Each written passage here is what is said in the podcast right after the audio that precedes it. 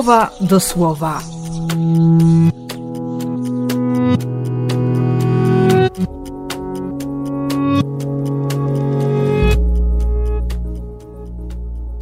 Trzynasty lutego, poniedziałek.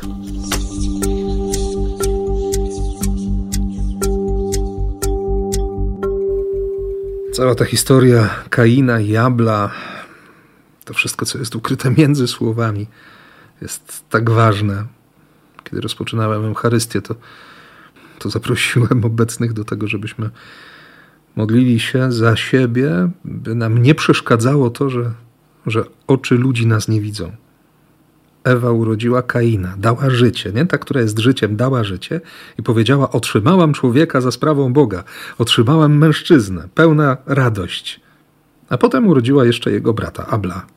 I nic. Jeden naprawdę miał, miał życie jak spłatka. Potentat rolny, znał się na rzeczy, był człowiekiem wykształconym, a, a drugi, ten młodszy, został pasterzem owiec. Nie trzeba było wielkiej filozofii, ani jakiejś potężnej wiedzy. Jasno, że Kain był oczkiem w głowie. Po drugie, a może po pierwsze, był pierwszym, był pierworodnym. I znów Biblia jest bardzo precyzyjna. Po jakimś czasie Kain złożył z plonów ziemi ofiarę Panu. Również Abel złożył ofiary ze swoich pierworodnych owieczek i z ich tłuszczu. Ten drugi wiedział, co jest pierwsze co najważniejsze. Że to, co wytęsknione, to, co najmocniejsze, to, co wyczekane, na co się chucha tak naprawdę, należy do Boga.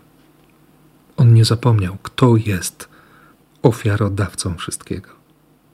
A Kain po prostu złożył z plonów ziemi ofiarę Panu. No i Kain się zasmucił, także chodził z zachmurzoną twarzą, tam z zapadniętą twarzą tak się w sobie zamknął, tak w sobie wszystko dusił, że, że aż Bóg interweniował. Przyszedł i mu powiedział, jaka jest jego sytuacja. Pokazał mu problem. Ten grzech, który się czai, może być opanowany. Od ciebie zależy odwrócenie się od niego. Ty masz nad nim panować. Przypomina się wczorajsze czytanie z mądrości Syracha. Nie musisz, nie musisz wybierać grzechu. Nie muszę wchodzić w zło. Nie ma takiej konieczności, nie ma takiej potrzeby, ale jest taki wybór. Rzucił się Kain na Abla, swojego brata, i zabił go. Wołanie krwi twojego brata wznosi się do mnie z ziemi. Krew Abla wołała o zemstę. A i tak Bóg uratował Kaina. Nie chciał go zabić.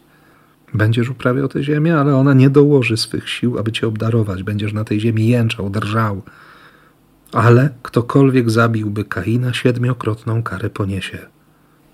Bóg chce ratować człowieka. On nie chce śmierci. Nawet jeśli ludzkie serce jest.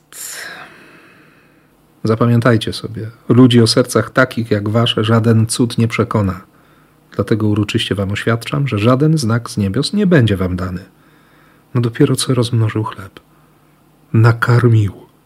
Obdarował ale przychodzą ci znający się na rzeczy i, i próbowali sprowokować go do uczynienia wobec nich jakiegoś cudu. Sztuczek im się zachciało. Opuścił ich. Zostawił, bo chodzi o miłość. Żeby nie zapomnieć, że On jest Bogiem, że On jest miłością. Więc na dobrą pamięć błogosławię Cię w imię Ojca i Syna i Ducha Świętego. Amen.